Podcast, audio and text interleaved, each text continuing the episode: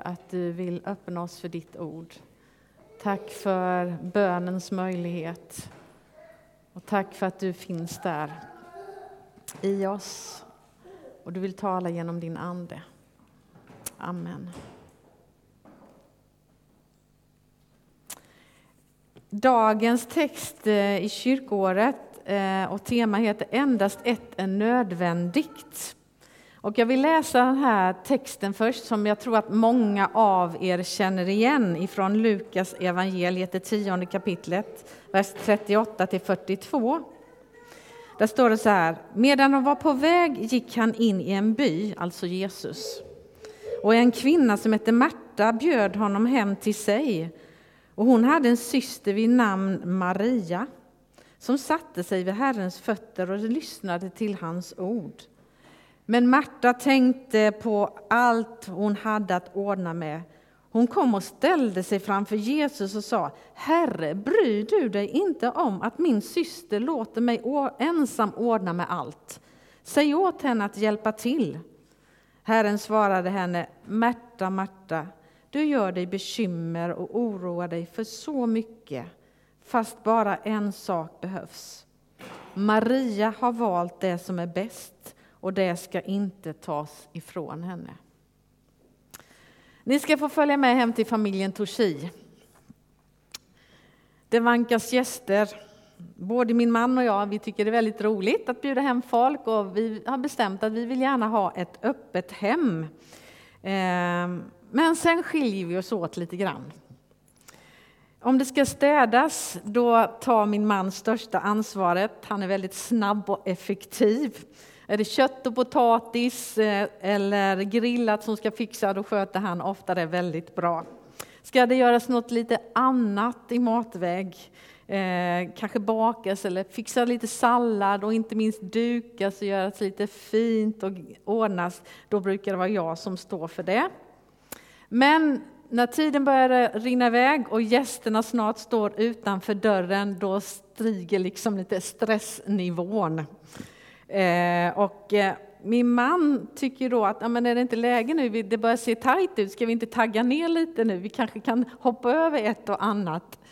Eh, men eh, det tycker ju inte jag. Men han tycker att det är väl inte så noga. Eh, vi tar det enkelt eh, och ja, men nu, nu tycker jag nu är det nog bra ändå här. Här drar vi en gräns. Och han tycker att det är bättre att vi sätter oss lite med barnen innan de ska iväg på sina håll och ta en kaffe och hinner stämma av livet lite och mötas här. Eh, och eh, jag bara... Jag tänker att eh, det låter bra, men jag har inte ens hunnit fixa mig än. Jag har inte ens varit i duschen än. Och eh, hur ska det här gå? Hur kan han överhuvudtaget tänka sig att gå och sätta sig nu när inte allt är färdigt? För mig finns det liksom inte riktigt på kartan. Ehm, och ska jag behöva hoppa det som nu börjar bli det roliga som är kvar, att få duka och göra lite fint när grovjobbet liksom är gjort. Alla i huset, gå inte miste om att jag börjar bli lite stressad. Ehm, jag blir lätt irriterad. Jag tycker att nu borde väl alla ändå hjälpas åt och hjälpa till. Eh, ser de inte att jag håller på att stressa ihjäl mig? De borde väl hoppa in, de borde väl se vad det är som behöver göras i den här hela situationen. Ehm, jag skulle väl också vilja gå och sätta mig. Det skulle väl vara jättenice. Det är väl inte tal om det. Det skulle kännas väldigt bra, men det funkar ju bara inte nu, som livet är. Och i mitt inre byggs den här konflikten upp. Ehm, och jag är plötsligt inte alls den person jag vill vara. Det har hänt någonting på min insida och utsida med för den delen. Ska jag dra ner på det här verkligen, som jag egentligen också tycker är roligt? Ehm, jag vill ju bara att det ska få bli trevligt för de andra som kommer hit. Det kan väl inte vara något fel i det? Det är ju inte så att min man inte har bidragit alls, utan han har bidragit väldigt mycket. Men han har dragit gränsen liksom. Nu räcker det. Nu finns det annat som han vill prioritera eh, före det som återstår eller som han tycker är viktigare. Ja, jag tror att många av er kan identifiera sig, kanske några i alla fall, i det här och inte minst i den här berättelsen som jag tror vi brottas med, om du har hört den förut kring Märta och Maria. Men vad är egentligen problemet, eller är det något problem i den här berättelsen? Jag tycker det är lite intressant att se vad den här berättelsen kommer i för sammanhang. Innan Eh, Jesus, eller den här berättelsen när Jesus kommer till Betania så får han en fråga från en man som undrar, en laglärd, vad han ska göra för att få evigt liv. Och då svarar Jesus så här. Du ska älska Herren din Gud av hela ditt hjärta, av hela din själ, av hela din kraft och av hela ditt förstånd och din nästa som dig själv. Och då ger han också en liknelse om den barmhärtige samarien där han verkligen tar spjärn i den sista delen i den här uppmaningen han sa att du ska älska din nästa som dig själv. Så ger han liksom en bakgrund till vad innebär det? Och så kommer då berättelsen om besöket hemma hos Märta och Maria som Lukas har lagt in här. Och det är precis som att nu vill Lukas hjälpa oss att se hur, hur eh, konkretiseras den här första delen då? Att älska Herren din Gud av hela ditt hjärta. Och också efter den här berättelsen så följs den av Jesu undervisning om när lärjungarna säger till honom Herre lär oss att be. Och så kommer det ett stycke om bön. Och jag tror att detta är en liten vägledning också till varför den här berättelsen finns med här. Att Lukas vill visa något, att här finns någonting som är viktigt utifrån det svaret på Jesu fråga. Vad ska jag göra för att få evigt liv? Om vi tittar på de här två huvudpersonerna då, eller kvinnorna i berättelsen i alla fall. Märta, troligtvis var hon äldsta systern. Det är hon ändå som tar initiativet. Det är hon som vill bjuda hem Jesus. Det är hon som kommer när han kommer dit till Betania och säger Kan du inte följa med oss hem? Det skulle vara fantastiskt om du ville gästa vårt hem. Så hon är ju verkligen med på noterna och vill bjuda hem Jesus. Och hon vet ju naturligtvis att det kommer kräva sin insats. När man ska gästa, ja men det var ju dessutom ett gäng lärjungar, tolv stycken, och så kanske det blir ett gäng till. Ja men de blev nog några stycken som ändå skulle få någonting till livs den där eh, dagen. Och så har vi då Maria, som verkar ganska obrydd. Och som verkar bara ha en enda vilja och längtan och inte kanske se så mycket annat, utan hon väljer att gå och sätta sig vid Jesu fötter. Och den platsen, det var väldigt tydligt i den kulturen att det var där man satte sig inför en rabbi, en lärare, när man var lärjunge och man skulle lyssna till hans undervisning och hans tal.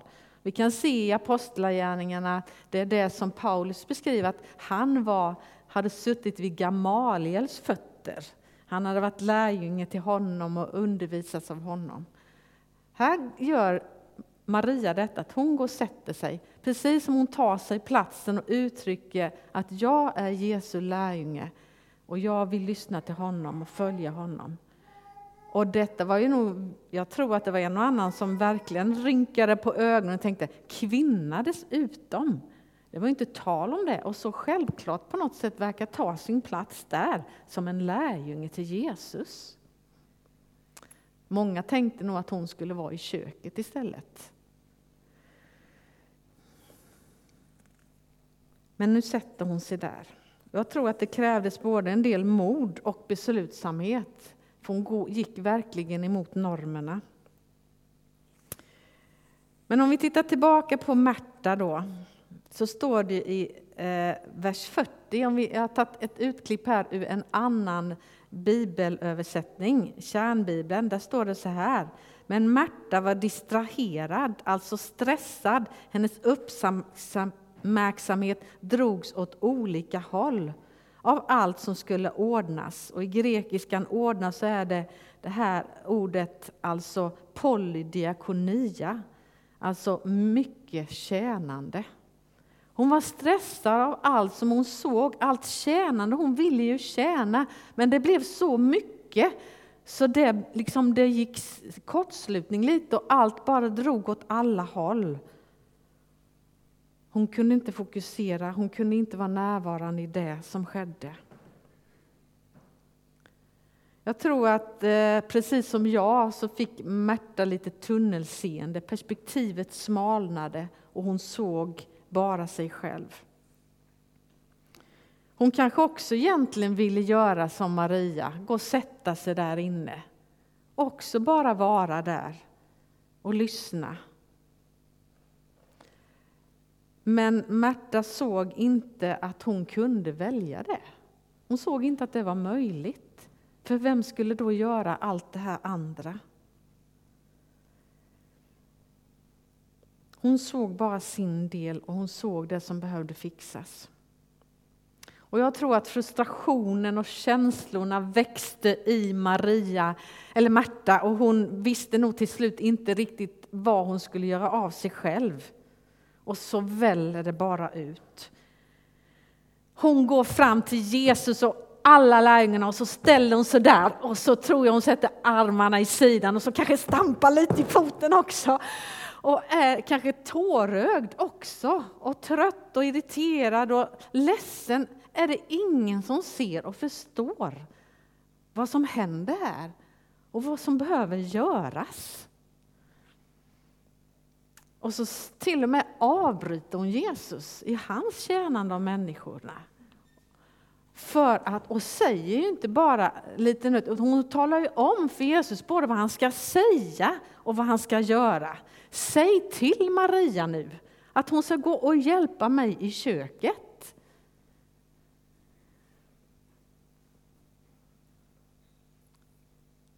Där brast det för Marta. Ser du inte Jesus hur jag faktiskt jobbar för din skull och alla ni andra?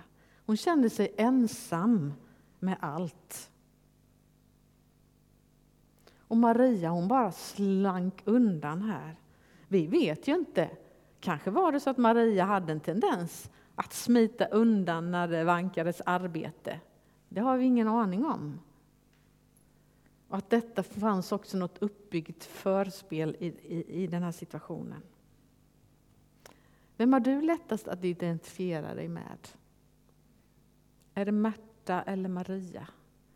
Är du en som gärna hugger in och gör det som ska göras? Eller är det en som gärna kanske drar dig lite åt sidan när det vankas arbete? Och så kommer då Jesus svar. Hur ska vi egentligen tolka det? Märta, Märta, vad du är stressad. Du har en inre oro över mycket och är alldeles uppjagad. Du slamrar, väsnas, men den inre oron visar sig i en yttre tumult. Vilken ton säger Jesus detta med? Är det förebroende? Är han arg? Är han kärleksfull? Det vet vi inte riktigt.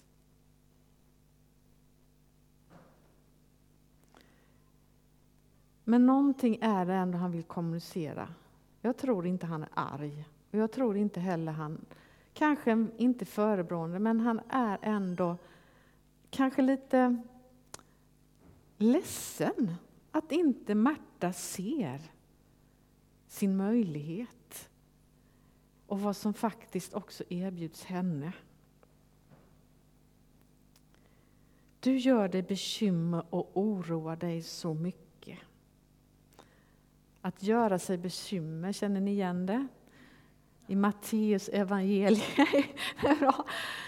Den har ju faktiskt Jesus sagt förut. I Matteus evangeliet i sjätte kapitlet så står det ju så här ehm, att vi inte ska göra oss några bekymmer. Och innan han säger det så säger han så här.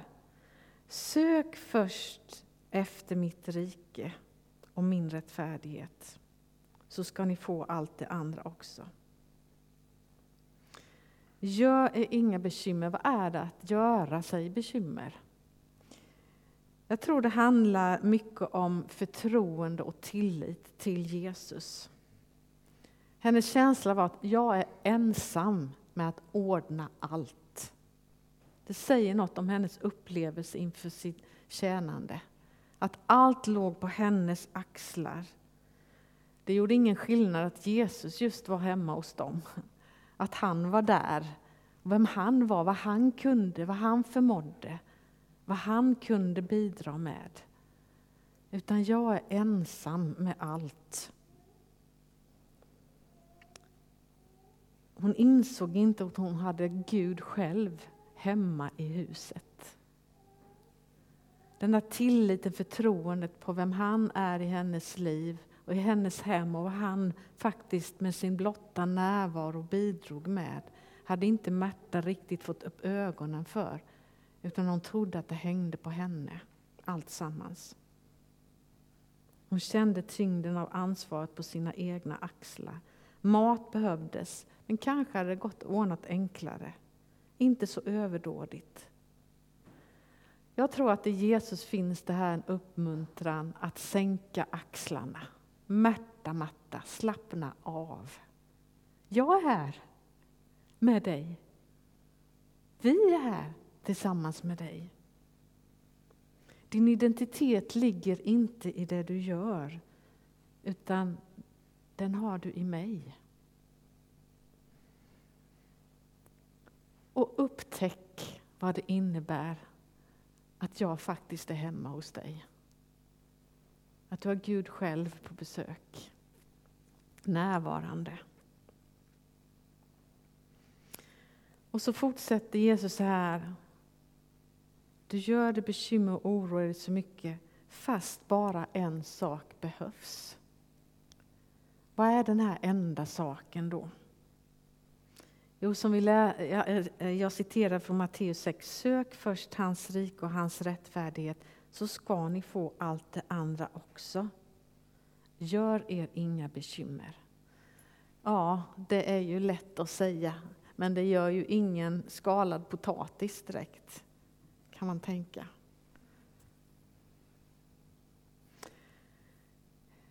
Att söka honom och hans rike först. Hur gör vi det? Hur tar det sig uttryck i våra liv? Hur ser det ut i min vardag?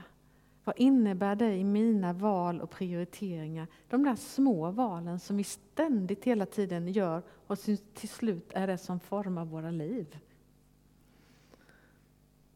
Frågan gäller inte här passivitet eller aktivitet. Det är inte det att hon inte ska sluta göra något, Märta, att hon inte ska bry sig. Utan i vem eller vad har jag min identitet? I vem eller vad har jag min tillit för mitt liv? Varifrån väntar jag mig det jag behöver? Och En fråga som jag får och som jag ställer till mig själv är, kan det faktiskt bli så att mitt tjänande, det goda som egentligen är bra, polydiakonia, tjänandet, det myckna tjänandet stå i vägen för det som faktiskt inte bara är bra utan bäst. För det är faktiskt det han säger så småningom också, att hon har valt det som är bäst. Hon har tagit inte bara det som är bra, utan det som är bäst. Att sitta vid Jesu fötter, att lyssna till honom, att värna relationen med Jesus. Märtas fokus var att tjäna Jesus snarare än att lyssna till honom. Eller kanske framför allt att låta honom få betjäna henne först innan hon börjar betjäna de andra.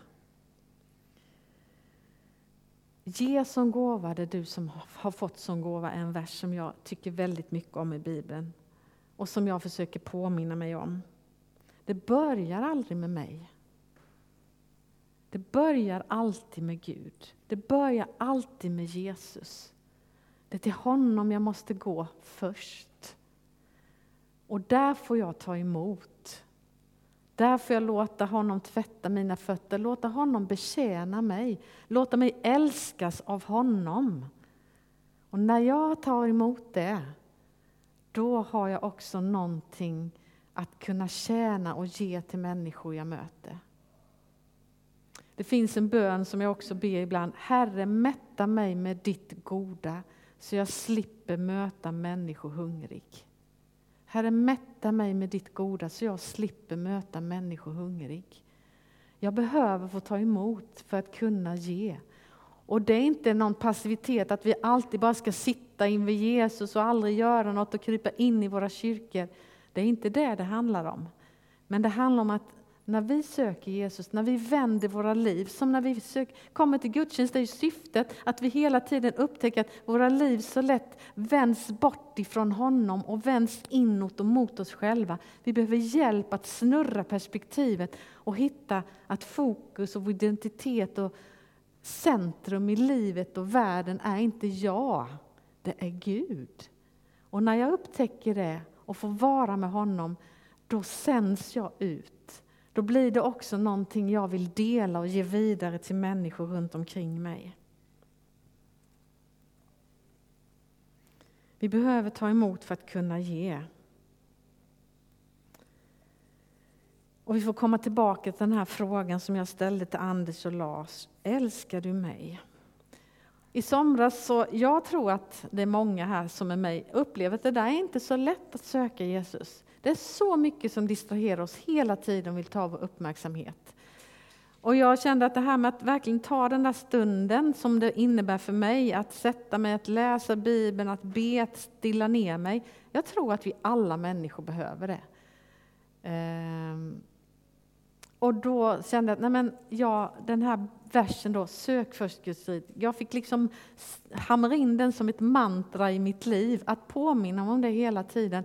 Att när jag tänkte att, eh, särskilt på semester när man disponerar mycket tid, eh, då tänkte jag, att jag gör det, jag ska bara göra det här först. Och så dök det upp, så ska jag göra det för. Så fick jag liksom bromsa mig själv och så fick jag påminna, mig, sök först Guds rike. Så tänkte jag, nej, inte sen, då lär det inte bli av, jag vet ju det. Och så fick jag först sätta mig ner eller gå ut och gå och lyssna på min eh, bönepodd eller vad det nu var jag behövde göra. Men det är, sker inte självt. Jag behöver vaka över det, vi behöver träna och vi behöver uppmuntra varandra. Att söka Guds rike först, att söka närvaron, att sätta oss vid hans fötter och låta honom tala till oss. Det som också var ett problem för Märta var att hon gjorde sitt tjänande till en mall för andras tjänande. Hon såg inte att faktiskt Jesus var i full färd att betjäna människorna där hemma. Och att också Maria gjorde det på sätt och vis när hon tog sin plats och satte sig där eh, inför Jesus. Och så fick hon ville hon bedöma alla andras liv också utifrån sin egen mall och uppfattning om vad det var att tjäna.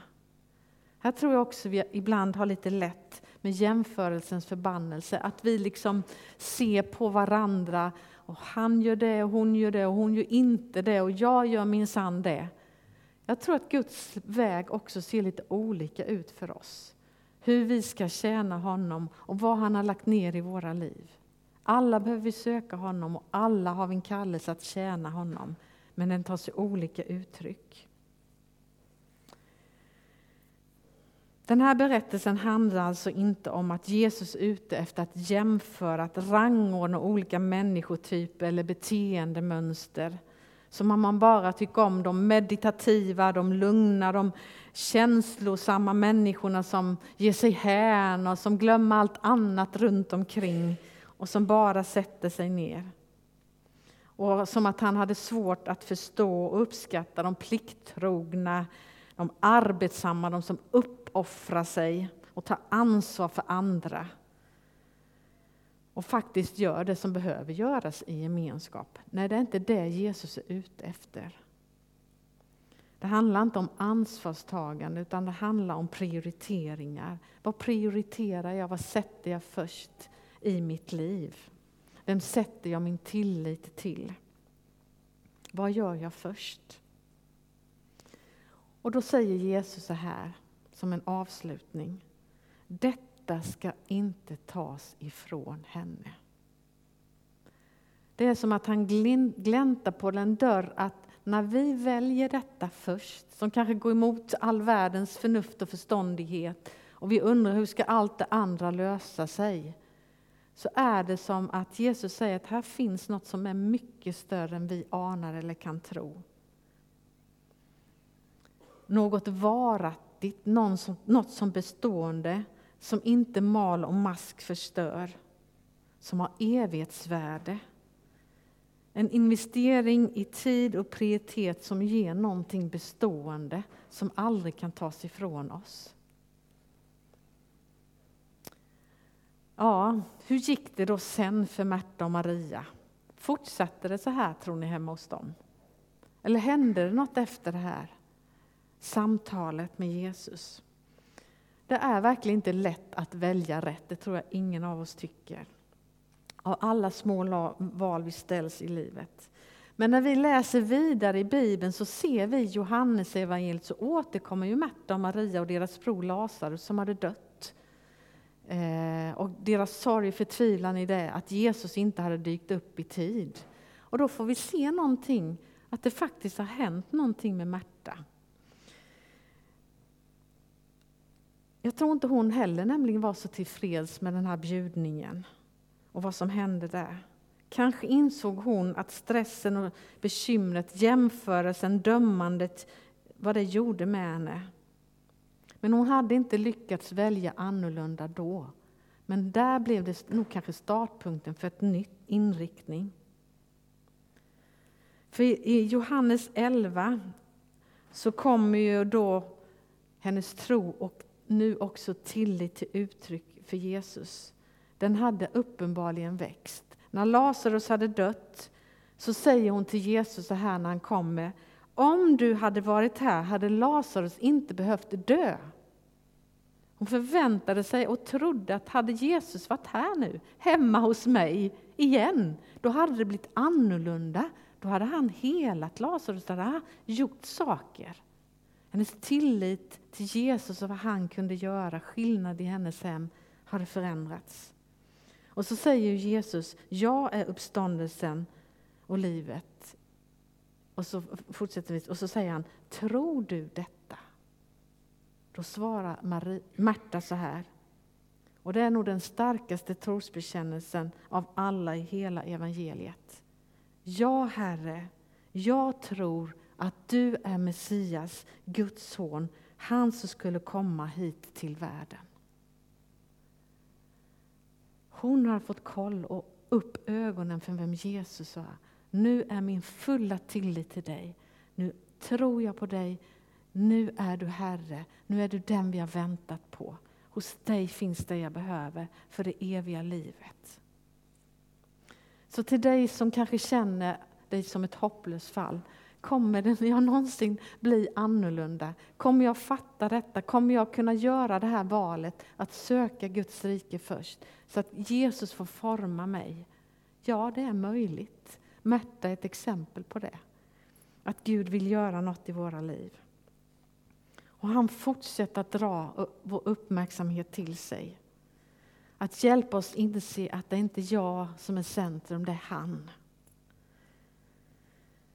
Det är han som har älskat först. Det är hos honom jag får börja. Detta är kärleken, inte att vi har älskat Gud, utan att han har älskat oss och sänt sin son som försoningsoffer för våra synder. Du kommer då upptäcka, precis som Marta, att när du väljer Jesus först kommer det inte tas ifrån dig och du kommer ha det du behöver. Ska vi be tillsammans? Tack Jesus för den här texten. Tack för ditt exempel. Tack för att du vill komma hem till var och en av oss. Och du vill tala till oss. Du vill dra in oss i gemenskapen i din närvaro. Älska oss, förvandla oss och skicka oss ut i den här världen att tjäna dig. Tack Herre för att du kallar oss den här förmiddagen till att komma nära dig igen och igen. Att få ta in och erfara vem du är. Tack för att du vill inte ge upp med oss, utan du fortsätter att hjälpa oss att välja det goda livet, det bästa livet. Amen.